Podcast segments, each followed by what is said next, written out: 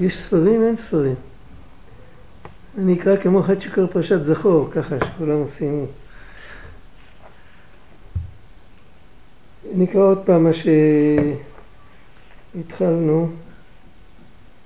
זה שכתב רבנו ז"ל שמזמור לתודה מסוגל למקשה ללד לומר, אותה בש... לומר אותו בשבילה. למי שמקשה ללד צריך להגיד מזמור לתודה.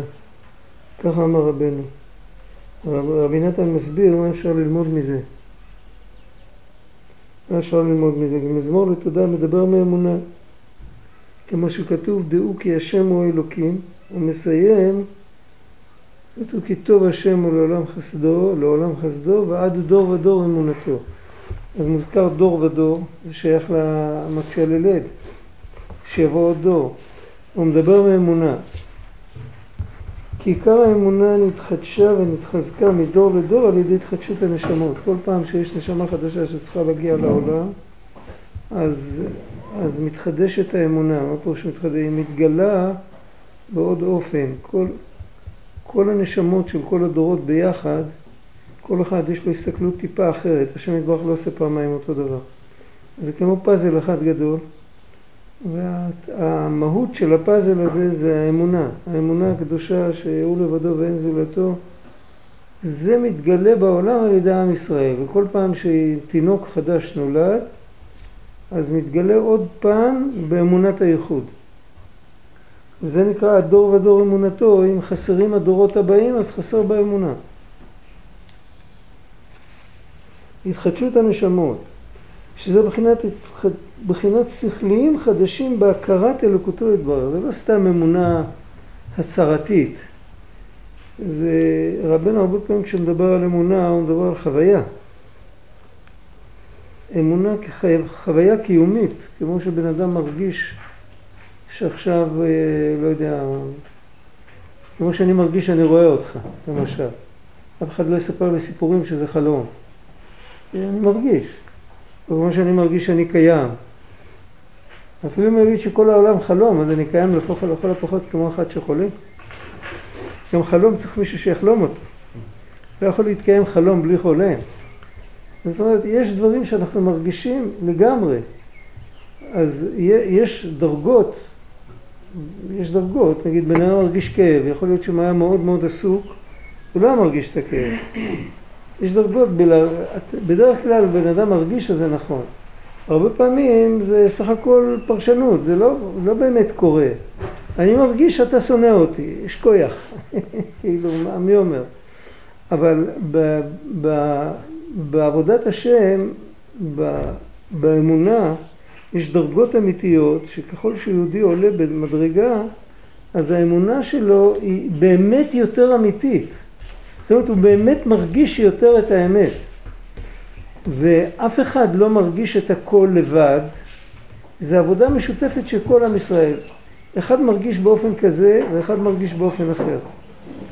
בשביל זה חז"ל תקנו לומר ברכת חכם ארזים כשרואים 60 אלף מישראל. 60 אלף מישראל זה, זה שלמות של מספר שהיא כוללת, שש כוללת כל המידות, אלף כולל עשר כפול עשר כפול עשר, ששישים אלף זה אלף כפול עשר כפול עשר כפול עשר כפול שש מידות שכל אחת כלולה מעשר, כפול שישים. אז זה שלמות המספר, שאם רואים שישים אלף כבר אפשר לברך על זה חכם ארזים. מה זה חכם ארזים? זה סוד. יש כאן, הקדוש ברוך הוא חכם שכולל את כל הסודות האלה ביחד. כל אחד יש לו את הסוד שלו. מה זה הסוד? זה לא סוד שכאילו אסור לגלות, זה סוד שאם תגלה אותו יישאר סוד. סוד אמיתי, זאת אומרת, איך אני מרגיש את הנוכחות של השם. יש לכל אחד את הסוד שלו, איך הוא מרגיש את הנוכחות של השם יתברך. זה לא דומה אחד לחברו. וממילא אם חסר יהודי, חסר הסוד. לא יוצאים ידי חובה עם מישהו אחר, אי אפשר לעשות שליח. זה ברור. ממילא, אז עד דור ודור אמונתו, האמונה משתלמת כשיש עוד דור ועוד דור ועוד ילד נולד ועוד ילד נולד, אז עד דור ודור אמונתו. זה לא משיגים יותר אמונה. זה לא השגה, זה חוויה. הוא קורא לזה... לא, בעניין של הדורות, הרי משה רבנו והיו... לא, לא, אני לא משיג יותר ממנו, אבל אני משיג אחרת. זה כמו...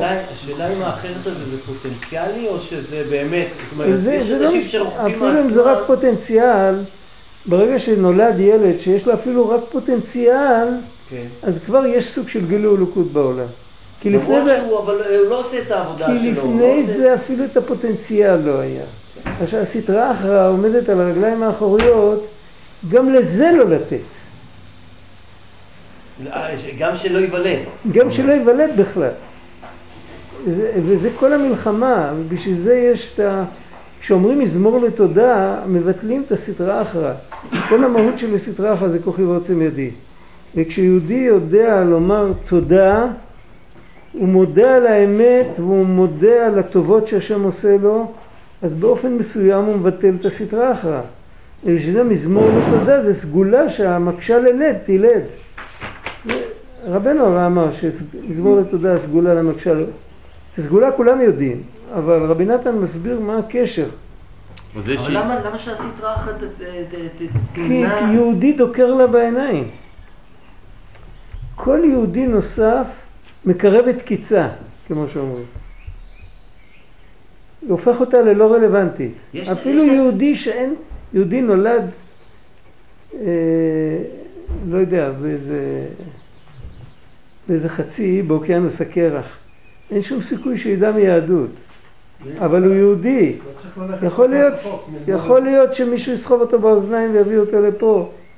יכול להיות שיצא ממנו משהו. עצם זה שיכול להיות שיצא ממנו משהו, זה כבר מעמיד אותה על הרגליים האחוריות.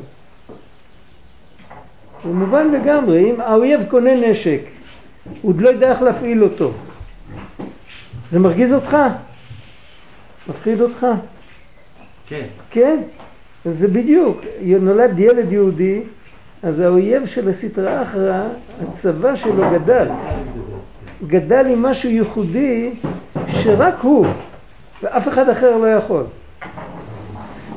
זה, זה סוג של נשק שהוא יחיד בעולם.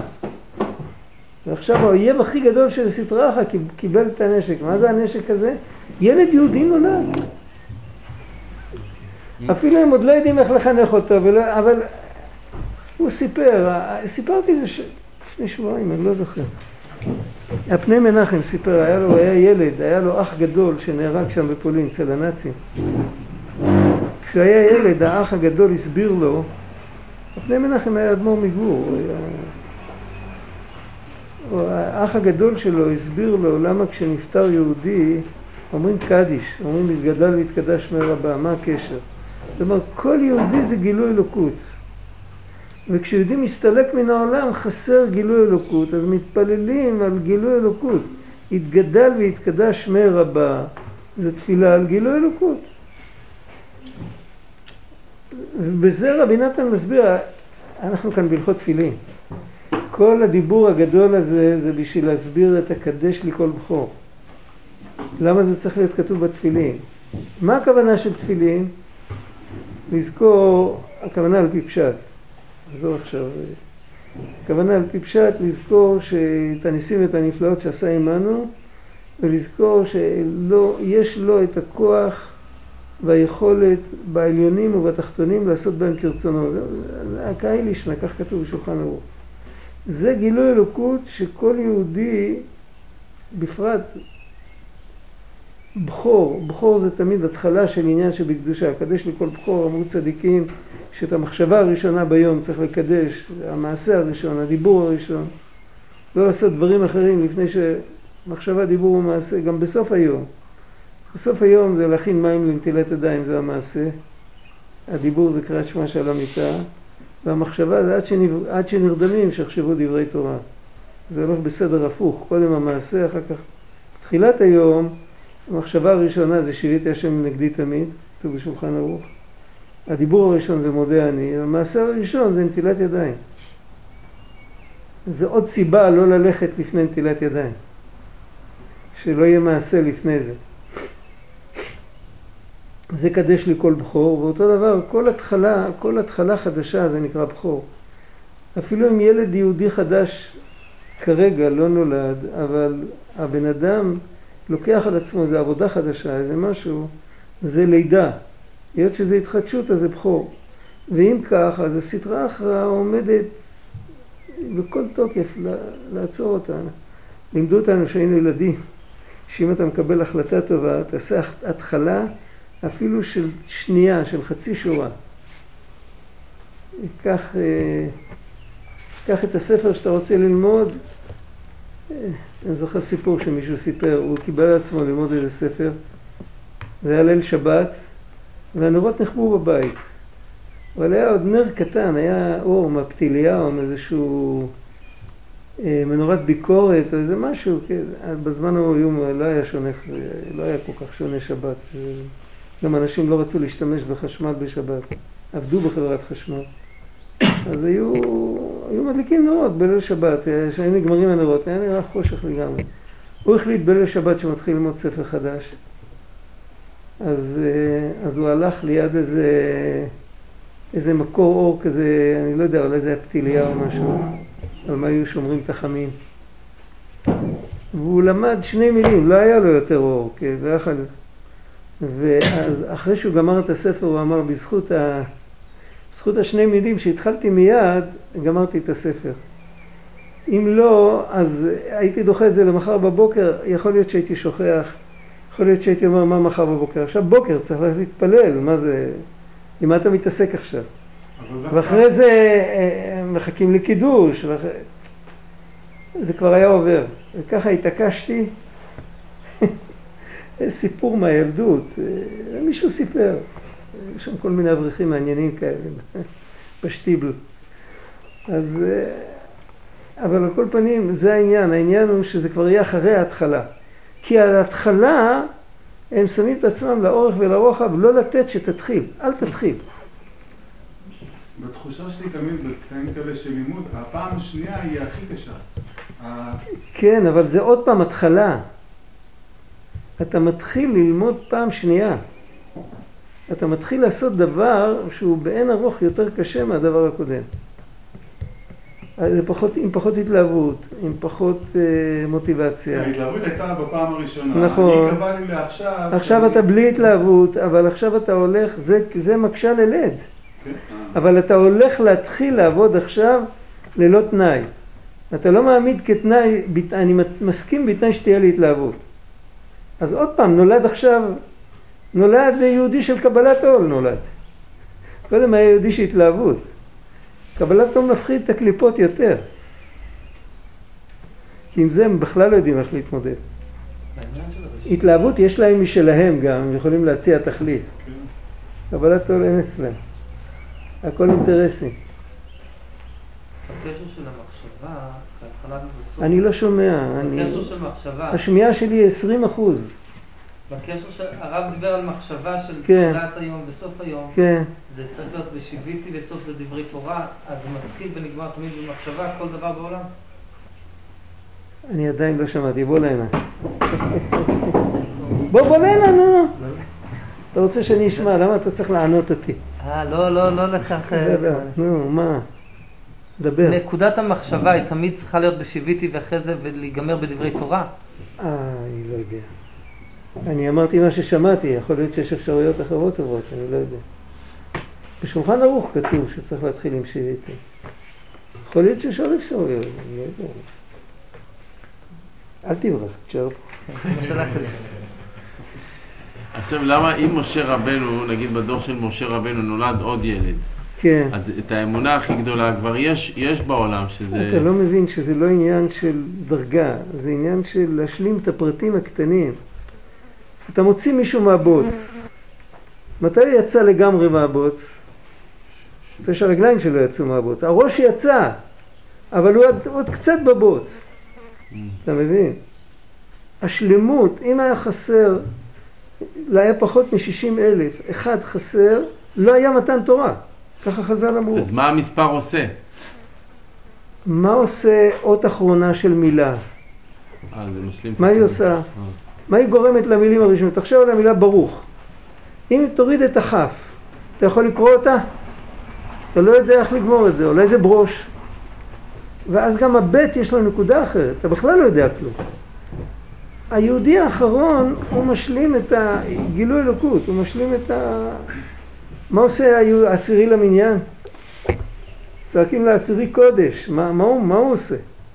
יש פה עשרה, תשעה תלמידי חכמים, מגיע עוד עגלון, יש, יש קדיש, יש קדושה, יש הכל, מה הוא עושה? השלמות של העניין, זה העניין. והשלמות של השגת אלוקות היא כשאין בן דוד בא, מתי זה השגה בתכלית? השגה בתכלית זה לעתיד לבוא.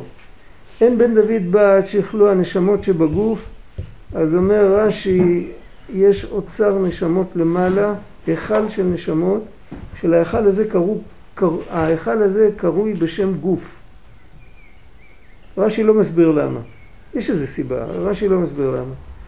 ההיכל הזה קרוי בשם גוף, ועד שלא יכלו הנשמות שבגוף, שלא כל הנשמות שנמצאים באוצר הנשמות ירדו למטה, משיח לא יכול להגיע.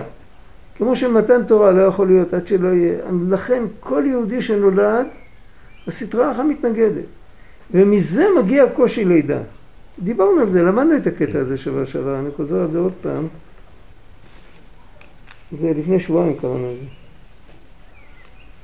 עכשיו, מזמור לתודה מדבר מאמונה, כמו שכתוב, דעו כי השם הוא האלוקים, ומסיים ועד דור ודור אמונתו. כי עיקר האמונה נתחדשה ונתחזקה מדור לדור על ידי התחדשות הנשמות, שכל פעם מגיעה נשמה, בפשטות הכוונה התחדשות הנשמות שכל פעם מגיעה נשמה חדשה. אבל זה קשה להסביר ככה כי בדורות שלנו אין נשמות חדשות, אבל מגיעה נשמה עם חידוש. כי אפילו אם נשמה מגיעה פעם שנייה או פעם שלישית, היא לא מגיעה עם אותם כוחות, עם אותן יכולות כמו שהגיעה פעם קודמת. כי השם יתברך לא עושה דבר אחד פעמיים. וכל פעם זה מגיע, לפעמים מגיע הנפש של זה עם רוח של זה, תסתכלו בשאר הגלגולים, שם אריכות על זה. זה נקרא התחדשות הנשמות. זה כמו ששרים את אותו ניגון על כלי אחר. אז בכל אופן זה, זה הנאה אחרת. שהם בחינת שכליים חדשים בהכרת אלוקותו יתברך. עכשיו, למה רבי נתן קורא לזה שכליים? כי יש בשפה העתיקה, אז גם למלאכים קראו שכליים נבדלים. המלאך הוא דווקא שכל, המלאך הוא יותר רגש מאשר שכל, בדרך כלל, רוב המלאכים. מחנה מיכאל מימין, מיכאל מימין, גבריאל משמאל, הימין ושמאל זה חסד וגבורה, זה לא השגות. אבל באופן כללי, לכל העולם הרוחני קראו בשם שכליים. זה השפה העתיקה, והרבה פעמים רבנו ורבי נתן משתמשים, הרבה פעמים לא משתמשים בביטויים האלה, והרבה פעמים כן משתמשים בביטויים האלה. אז הוא קורא לזה, הוא קורא ל, ל, לרגש עמוק, לחוויה עמוקה, או הרבה פעמים קורא בשם שכל. אבל לא מדבר על שכל, על הוכחות, או על... על לוגיקה, על אינטלקט, הוא לא מדבר על זה בכלל. הוא מדבר עכשיו על אמונה שיורדת ללב, שהיא, שהיא נמצאת, שהיא יושבת בתוך הבן אדם, שהוא חי אותה. על כן, על ידי זה מבטלים קישוי הולדה, על ידי מזמור לתודה. מבטלים את קישוי ההולדה כי עיקר ביטול קישוי ההולדה הוא על ידי אמונה.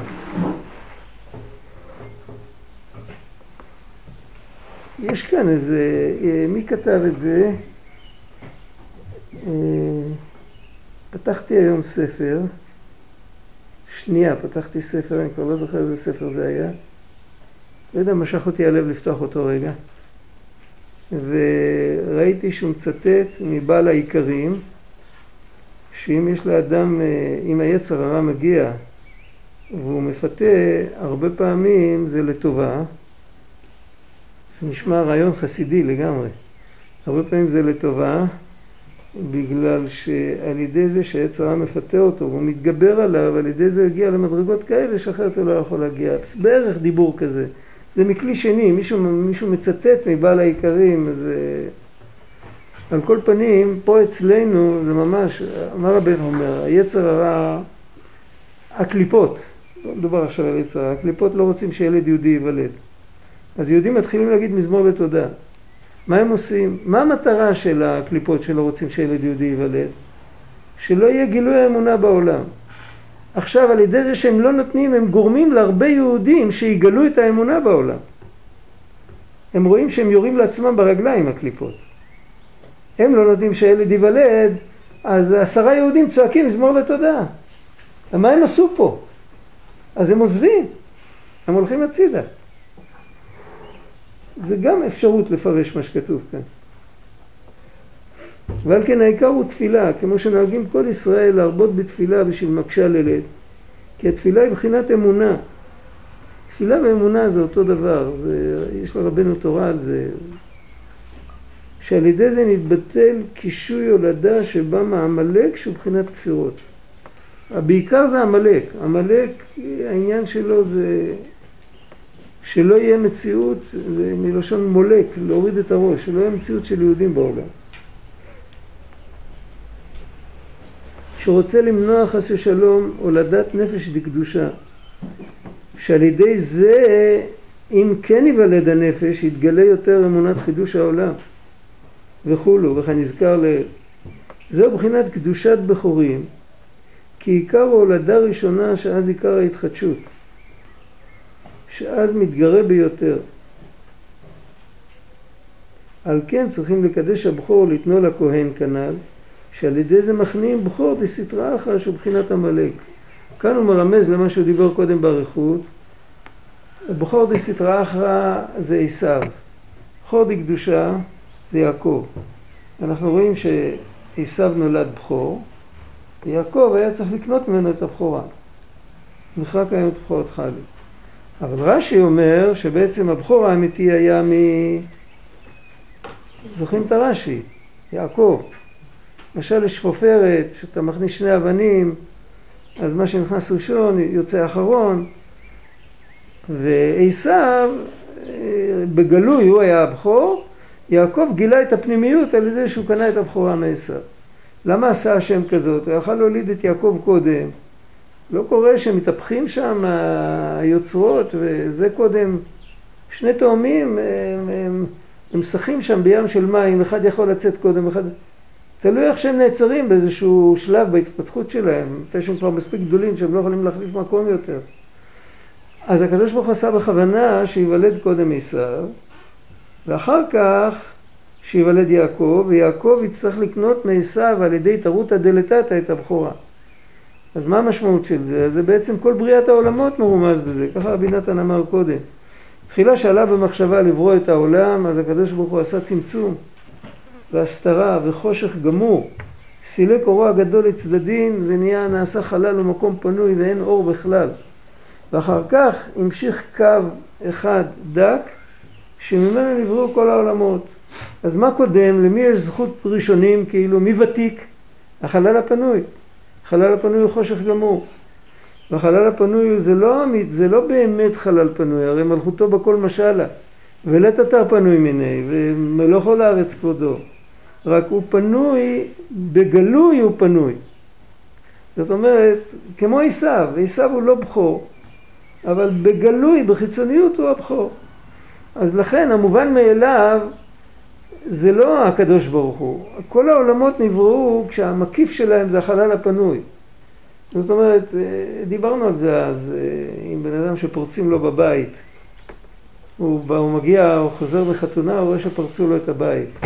מה קופץ לו קודם ספונטנית, אם לעשות רב בריח או אם לבדוק את המזוזות. זה שנייה הבדל, אבל מה שקופץ ספונטנית זה, זה איפה הוא נמצא. אם הוא, אם יעקב, יעקב הבכור, הוא קופץ לו קודם המזוזות, שנייה אחרי זה הרב בריח. אם עשיו הוא הבכור, אז זה ברור, הבכור זה המובן מאליו. הדבר הראשון שקופץ. הקדוש ברוך הוא ברא את העולם שבדרך כלל מה קופץ קודם? הרב בריח. זה מציאות, אנחנו יודעים איפה אנחנו נמצאים. אותו יהודי שקופץ קודם לבדוק את המזוזות, זה סימן שהוא כבר עשה עבודה. הוא כבר קנה את הבכורה מעשיו. זה ברור? זה לא, לא נולד ככה.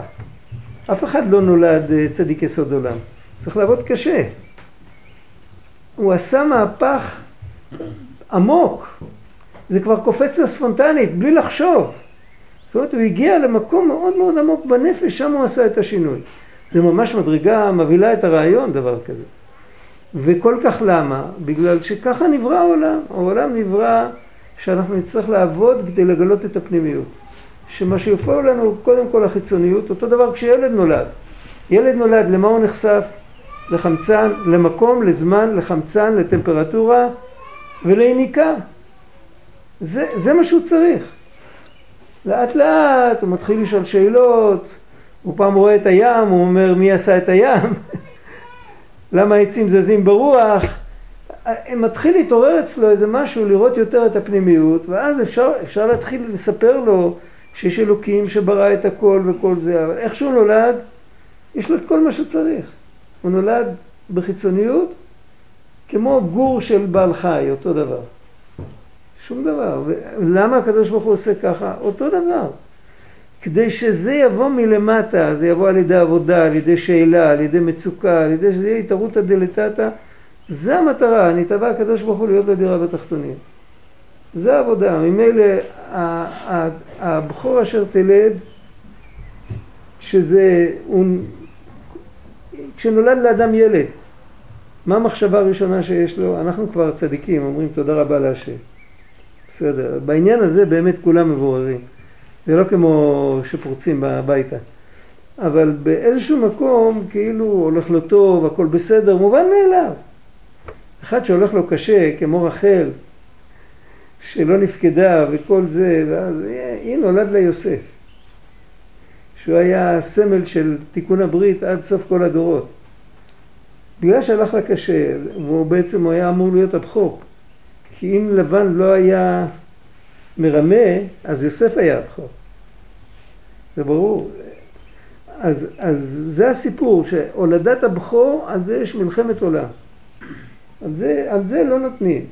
אחר כך יש מלחמה על כל אחד, ויש מלחמה אצל כל יהודי כל פעם ופעם, כל תפילה וכל תורה וכל התבודדות וכל מצווה וכל פרוטה לצדקה. יש מלחמת עולם כי כל אחד זה לידה של גילוי אלוקות. כל מעשה טוב.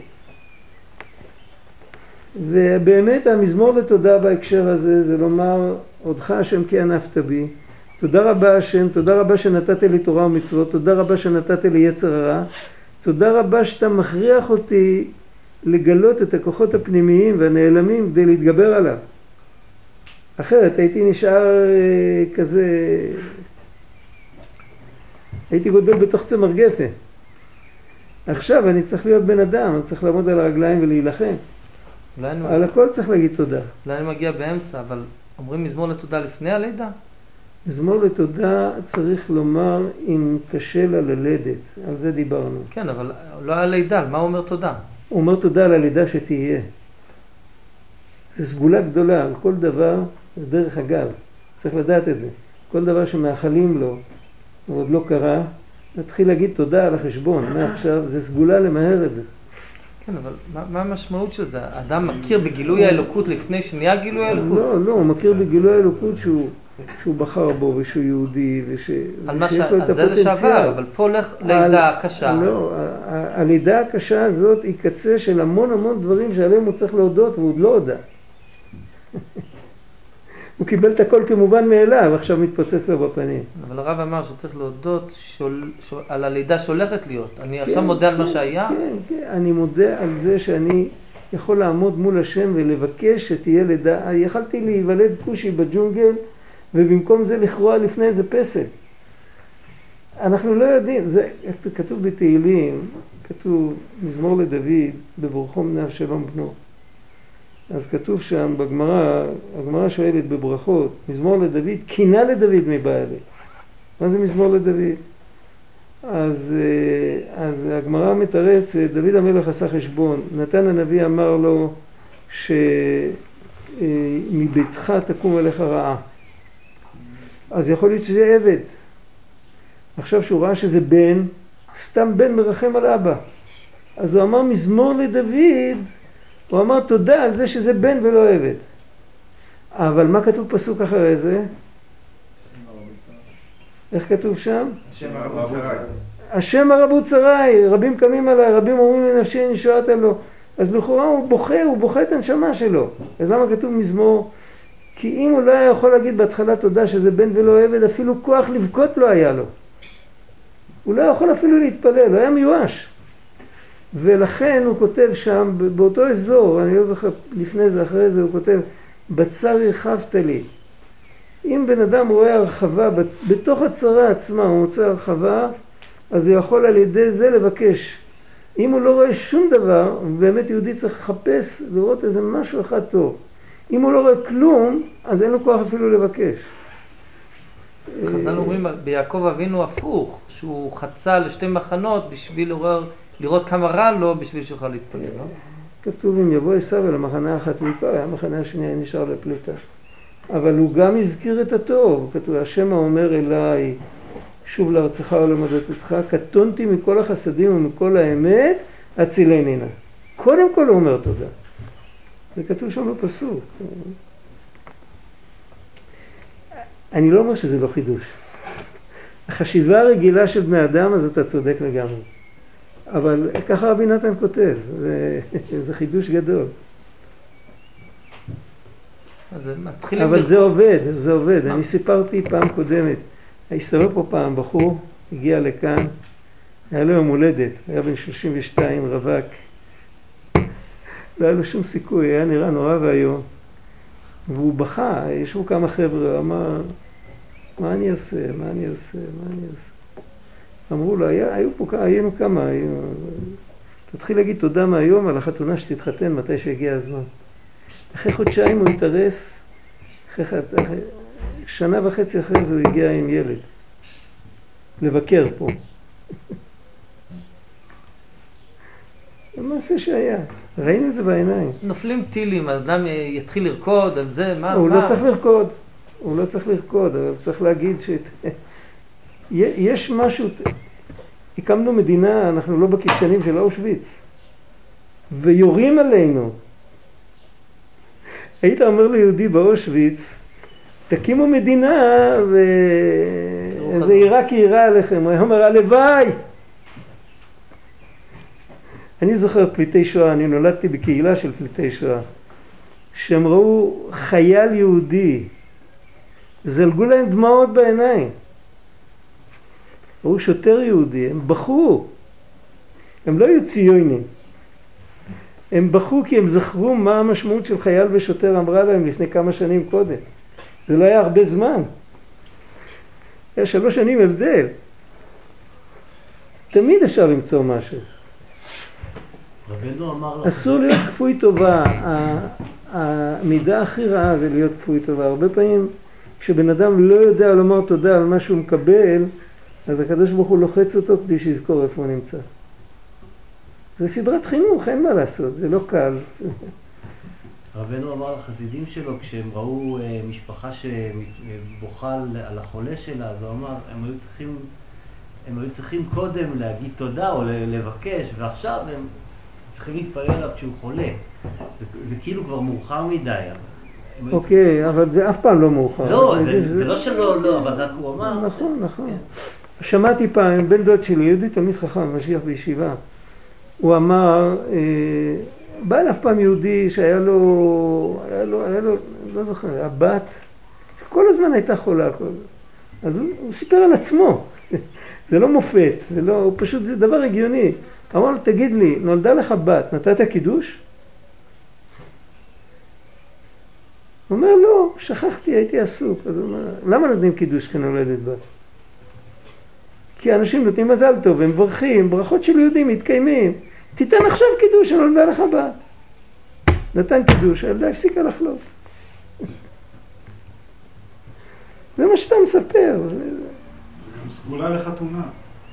כן. זה מישהי באה לבת שלה. מידת הכפוי טובה זה המידה הכי רעה שיכול להיות. הכפוי טובה זה לא שעושים להפך. ושוכחים, האמת שבשביל זה תקנו לנו ברכות השחר. הסגולה הכי טובה לכל הישועות זה להגיד ברכות השחר בכוונה. זה השגולה הכי טובה. אה, הוא סיפר מי זה היה, היה פה, ישב פה מישהו, אני לא זוכר מי זה היה. הוא אמר, שאל פעם אחד מה, אה, איזה רב אחד, אני לא זוכר מי זה היה הרב הזה, הוא שאל את אחד מהתלמידים שלו, מי הלביש אותך היום בבוקר? הוא אומר, התלבשתי לבד, זה אתה סיפרת. אמר, אמרת ברכה לבטלה. מי זה היה הרב הזה? חלבן. כן. אמרת ברכה לבטלה. כתוב מלביש ערומים. אתה אומר, התלבשתי לבד. אז באמת אנחנו לא חושבים על זה, אבל ברגע ש... כל האיסורים באים על האדם שלא רואה אותו בתשובה. הדבר הראשון שצריך לראות בתשובה זה על התחלת היום, ברכות השחר. היה פעם אחד מראשי הישיבה, מהליטאים, שהוא היה תמיד, אני חושב שזה היה רבי אלי לפיאן, אני לא זוכר בטוח, אני לא זוכר. הוא תמיד היה, בוותיקין, הוא תמיד היה הראשון. לא משנה, היה זקן, היה חולה, היה קשה לו, היה קל לו, לא משנה. אז פעם שאלו אותו, "על למה הוא כל כך מוסר את הנפש על הנקודה הזאת? אז הוא אמר שאחרי 120 שנה, שבודקים את הבן אדם, איך הוא התנהג, אז מביאים שולחן ערוך וקוראים איתו ביחד מהסעיף הראשון, ושואלים אותו אם הוא קיים. ואני לא רוצה שעל השאלה הראשונה, בסעיף הראשון, שיקום להשכים מוקדם בבוקר, שאני צריך להגיד לא קיימתי. זה עושה רושם רע, כאילו מיד על השאלה הראשונה, ככה סיפרו עליו.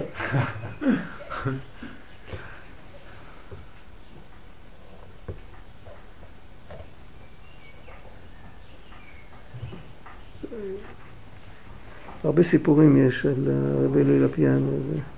אבל על כל פנים זה העניין. שעל ידי זה מכניעים בכור דסתרא אחרא שהוא בחינת עמלק כנ"ל. זהו מלחמה להשם בעמלק מדור דור. מה זה מדור דור? כל פעם שמגיע דור חדש מכניעים את עמלק מחדש. יש עוד ילד יהודי, זה מכניע את עמלק. זה גם מוליד את עמלק. מה? מאיפה יש עמלק חדש? גם לא, לא, לא, עמלק, עמלק, הוא לא מדבר על עמלק ההיסטורי, על עמלק ה... עמלק הרי בא סנחריב בלבל את כל האומות, ואנחנו לא יודעים מי עמלק, אבל יש מהות שנקראת עמלק. והמהות הזאת היא נחלשת כשיש יותר יהודים בעולם. על, על מי אמרו שהוא עמלק? היה אדמו"ר מ... האדמו"ר מפילץ, נדמה לי, בפולין, היה יהודי מאוד גדול, אה, הרבה שנים לפני שהיטלר עלה לשלטון. כשהוא, כשהוא הוא הרי היה בהתחלה, הוא היה ממש ב... היה בכלא גם. כן, היה... אף אחד לא ספר אותו. כשהוא השתחרר מהמקום הנמוך שלו והוא יצר מפלגה, אז אה, אימא שלי הייתה אז באותה עיר בפולין, אה, היא לא חיה שם, אבל היא בדיוק הייתה שם, אז היא- היא סיפרה שהיא שמעה שהאדמו"ר אומר שאני אני פוחד מאוד ממנו כי הוא עמלק. אף אחד לא הסתכל עליו, כאילו במדינה אחרת מישהו יצר מפלגה, מישהו מקשיב לזה בכלל, זה לא חדשות. ברוך שהוא שמע את זה, הוא אמר, הוא עמלק, אני פוחד ממנו. מה, מה, מה היה העניין שלו? שלא יהיה יהודים בעולם. אז זה לא משנה, הוא לא צריך להיות פיזית מזרע עמלק. הבחינה של עמלק התלבשה בו. זה יכול להיות כל, אה, כל דבר. כאילו.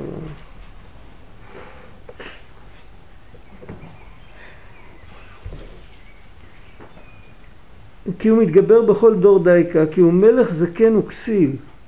זה כתוב במפורש, זה כתוב על היצר הרע. ואינו רוצה בהתחדשות המוחין והחיות שנמשך על ידי התחדשות הנשמות שמתחדשים מדור לדור. פה רואים שהמוחין והשכל שהוא מדבר עליהם זה, זה לא להיות זקן. לא להיות כסיל ולא להיות זקן. הזקנה זה סוג של אפתיות, זה סוג של אדישות, סוג של כזה, כאילו, התרגלתי כבר, אין חיות. ועמלק רוצה שיקיימו ככה את התורה. על זה הוא עוד מוכן איכשהו להסכים. כי, כי ככה לא מקיימים הרבה זמן. ואי אפשר להחזיק מעמד עם זה. אבל להתחדש ולהתחזק זה לא בשבילו.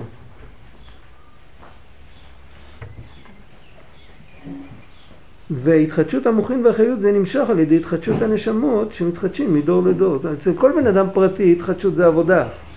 ובכללות עם ישראל, אז כל פעם שילד חדש נולד, אז יש עוד בן אדם צעיר. כן? כי הוא כופר בחידוש העולם שמשם כל ההתחדשות של כל המוחים. הוא מביא אחר כך, הוא מביא את ה... חפץ חיים מביא את זה בשמירת הלשון. יש שם חלק של הספר שזה... אה, איפה מופיע האיסור של לשון הרע לפי פרשיות התורה. בסוף שמירת הלשון. אז הפר... מי הראשון שדיבר לשון הרע? הנחש. על מי הוא דיבר? הקדוש ברוך הוא. הוא אמר מן העץ אכל וברא את העולם. כל אומן שונא בני אומנותו. אז החפץ חיים כותב שהוא כפר בחידוש העולם. אם, אם השם ברא את העולם שאנחנו רואים שהוא אכל מהעץ, אז היה כבר עץ לפני זה, אז היה עולם לפני זה. אז הוא כפר בחידוש העולם. זה בפשט. רבי נתן גם מביא בהמשך, הוא מביא שהקליפת הנחש, קליפת עמלק, זה הכל אה, כל מיני צורות של אותו דבר. והנחש רצה, בעצם הוא רצה להביא בני אדם למקום של כפירה בחידוש העולם. החוצפה הגדולה שלו הייתה שהוא הלך לבני אדם הראשונים שהשם ברא אותם. איך אתה יכול לגרום לבן אדם שהשם ברא אותו, לא את אבא שלו, לא את סבא שלו, אותו. איך אתה יכול לגרום לו דבר כזה, לכפור? אז זה כישרון של הנחש. מה היתרון לבעל הלשון? דמגוגיה בלעז. אחד שיש לו כישרון דיבור, הוא יכול לעשות משחור לבן, מלילה יום, השם ישמור. הוא כופר בחידוש העולם, שמשם כל ההתחדשות של כל המוחין, שבחינת אבותורו מחדש בכל יום תמיד מעשה בראשית. ועל כן פרשיות התפילין, שזה ניתן לנו בדיוק בשביל להתחדש. איך כתוב שם כל המניח תפילין מאריך ימים. להאריך ימים זה לא להיות זקן, להיות צעיר. לזקן כבר אין הרבה ימים. המשמעות של אה, ההתחלה של פרשיות התפילין זה בחינת ובטובו מחדש בכל יום, אה, זה בחינת קדש לבחור כל בכור. זה המילים האלה, זה ההתחלה, הפרשה הראשונה של התפילין. כי ההולדה היא בחינת התחדשות המוחין והחיות כנראה. שזהו בחינת תפילין לחדש כוחו וחיותו בכל יום, להתחיל בעבודת השם בכל יום מחדש וכולו כנזכר לעיל. תחילת ההלכה, זו הלכה ארוכה מאוד, תחילת ההלכה הוא אמר שיש עבודה של כל יום מביניך כחדשים, זה לא רק אמונה כזאת, שצריך לה, להאמין שזה כל כך חשוב כאילו שרק היום נתנו את זה, אלא זה עבודה לקבוע את זה בלב, שהלב ירגיש שהיום משה רבנו קרא לנו ואמר לנו שיש מצוות כאלה וכאלה. מתקבל מצווה חדשה מאת השם יתברך וצריך לעשות תפילין, צריך לעשות ציצית. צריך... והוא מעריך להסביר שכל העבודה של התפילין, הוא אומר שבזה שמונה פרשיות בתפילין, כל דבר בדרך כלל זה שבע, שבע שמיטה ושבע שבת ושבע שבע שבע. שמונה זה כתוב כזה, המרשע מביא, המהר"ל מביא, שמונה זה למעלה מהזמן, למעלה מהשתלשלות. מדבר הרבה, למה יש שמונה פרשיות, זה, זה פעמיים שם הוויה, שם הוויה דלילה, שם הוויה דלתתא, יש... הקיצר, לא, לא נחזור עכשיו על כל האריכות, אבל על כל פנים זה שיהודי צריך לזכור שאתה הוא קודם שנברא העולם, אתה הוא אחר שנברא העולם. כל רגע השם ברא אותו מחדש, את כל העולם מחדש, את כל העולמות מחדש. ולא רק שצריך לזכור את זה, אלא שצריך לשים את זה על הראש ועל הזרוע כנגד הלב. הוא צריך לראות שזה ייכנס לו בראש, שזה ייכנס לו בלב, ואפילו הצד השמאלי שלו, שגם יקבל את זה. הצד השמאלי זה החלל השמאלי שבלב, זה מרמז על העץ הרע. שיזכור שהוא כל כולו שייך לקדוש ברוך הוא. אפשר להגיד את זה בשפה אחרת. אפשר להגיד, אה, אה,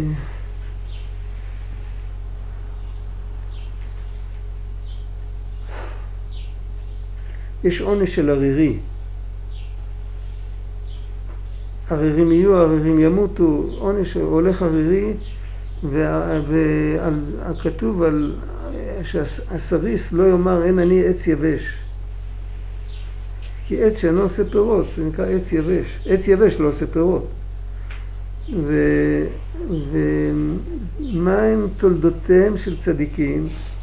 אז תשובה ומעשים טובים, או מצוות ומעשים טובים.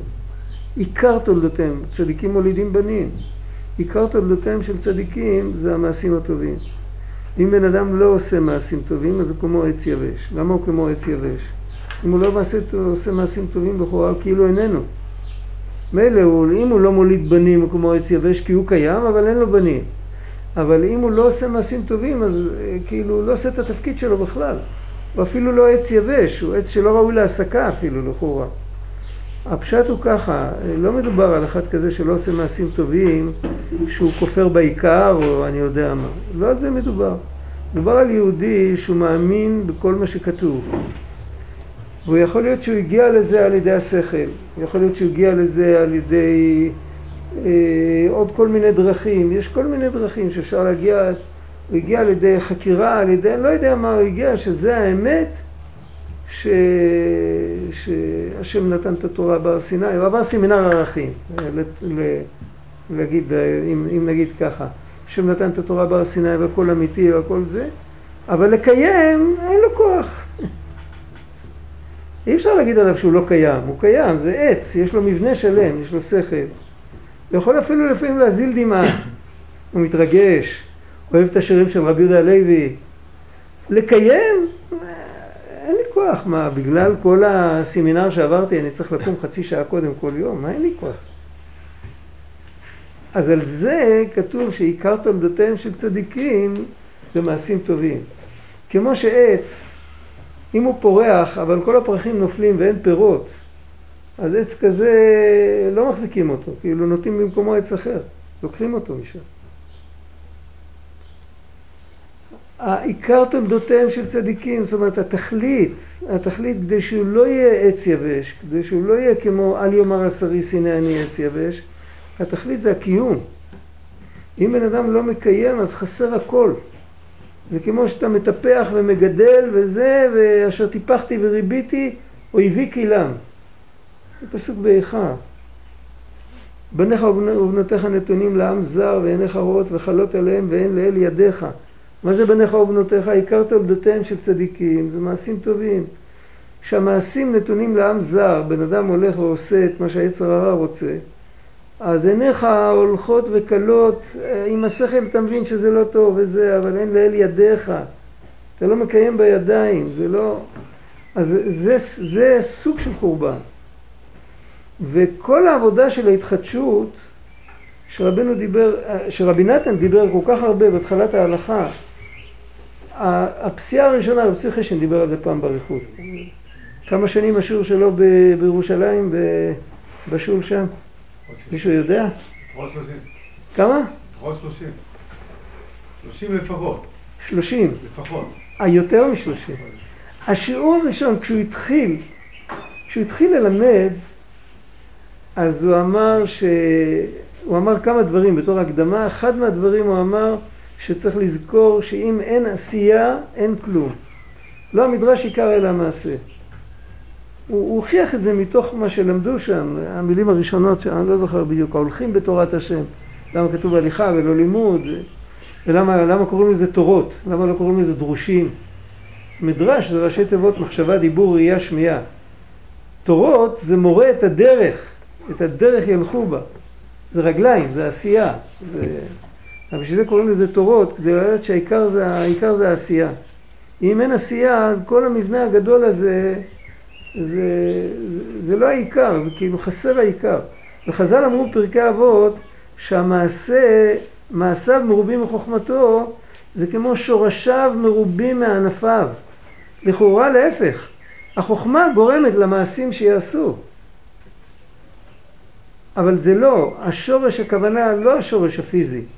יש שורש במוח של החקלאי שנוטע את העץ. מה השורש האמיתי? למה החקלאי נוטע את העץ? מה השורש של הרצון שלו? הרצון שלו לקטוף את הפירות. אז אם אין פירות, אז אין שורש. השורש של השורש חסר. יכול להיות שיש שורש ענק, אבל אין שורש. אף אחד לא ינטע פרי כזה אם הוא ידע שלא יהיה פירות. זה ברור. ממילא השורש של כל השורשים, בשביל זה אנחנו אומרים בלך דודי סוף מעשה במחשבה תחילה, נעוץ תחילתן בסופן, כתוב בספר יצירה. השורש של הכל זה הקיום.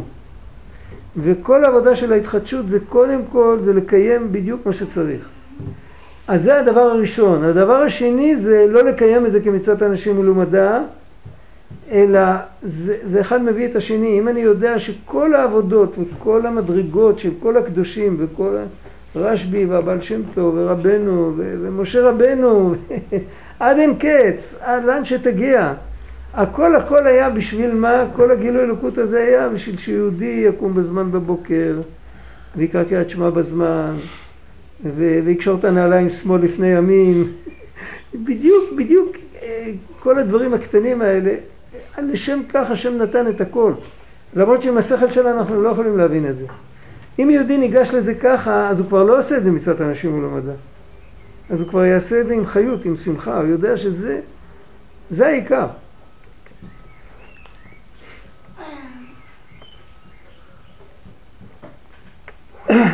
על כן עכשיו, בסוף הגלות, שאז מתגבר הבעל דבר ביותר, הבעל דבר זה אחד מהכינויים של היצר הרע, לא רצו לנקוב בשמו, אז זה, זה יידיש בעצם, כן, הבעל דבר, שהוא בחינת זוהמת הנחש, בחינת קליפת המן עמלק, וכל פעם זה מופיע, זה יכול להופיע כנחש, יכול, יכול להופיע כהמן, יכול להופיע כעמלק, יכול להופיע כיצר הרע קטן בלב של מישהו, אבל זה... אז, אז הוא מתגבר. לפני הגאולה הוא מתגבר. בשביל זה הגאולה נקראת לידה, ויש עניין של חבלי משיח. הביטוי חבלי משיח זה ביטוי מושאל מחבלי לידה. חבלו של משיח, למה קוראים לזה חבלי? שזה בחינת חבלי משיח, שבחינת חבלי לידה ממש, כנזכר לעיל. מה הוא כותב כאן?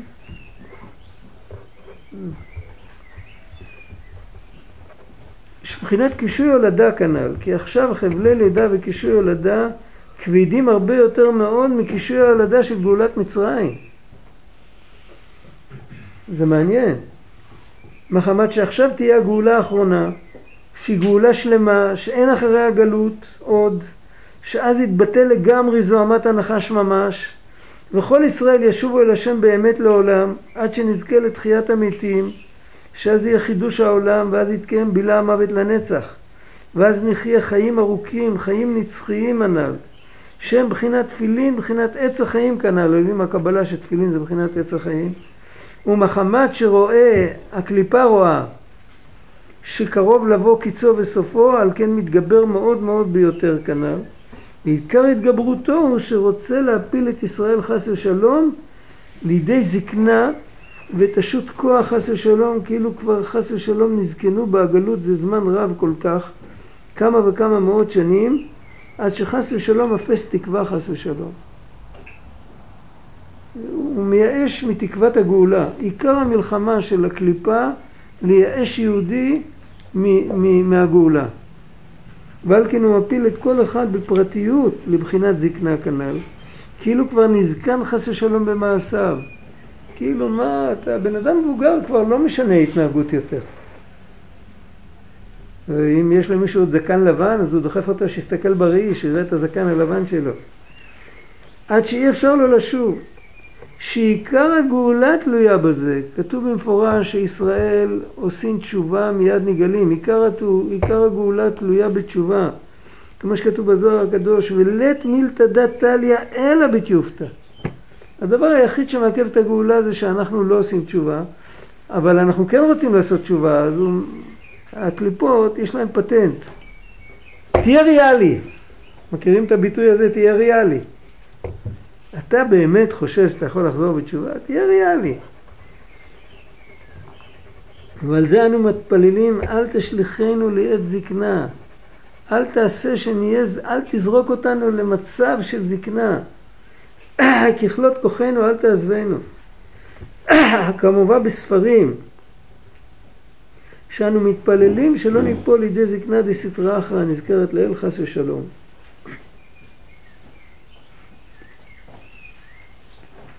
טוב, השם יזכנו, נזכה להתפלל מנחה.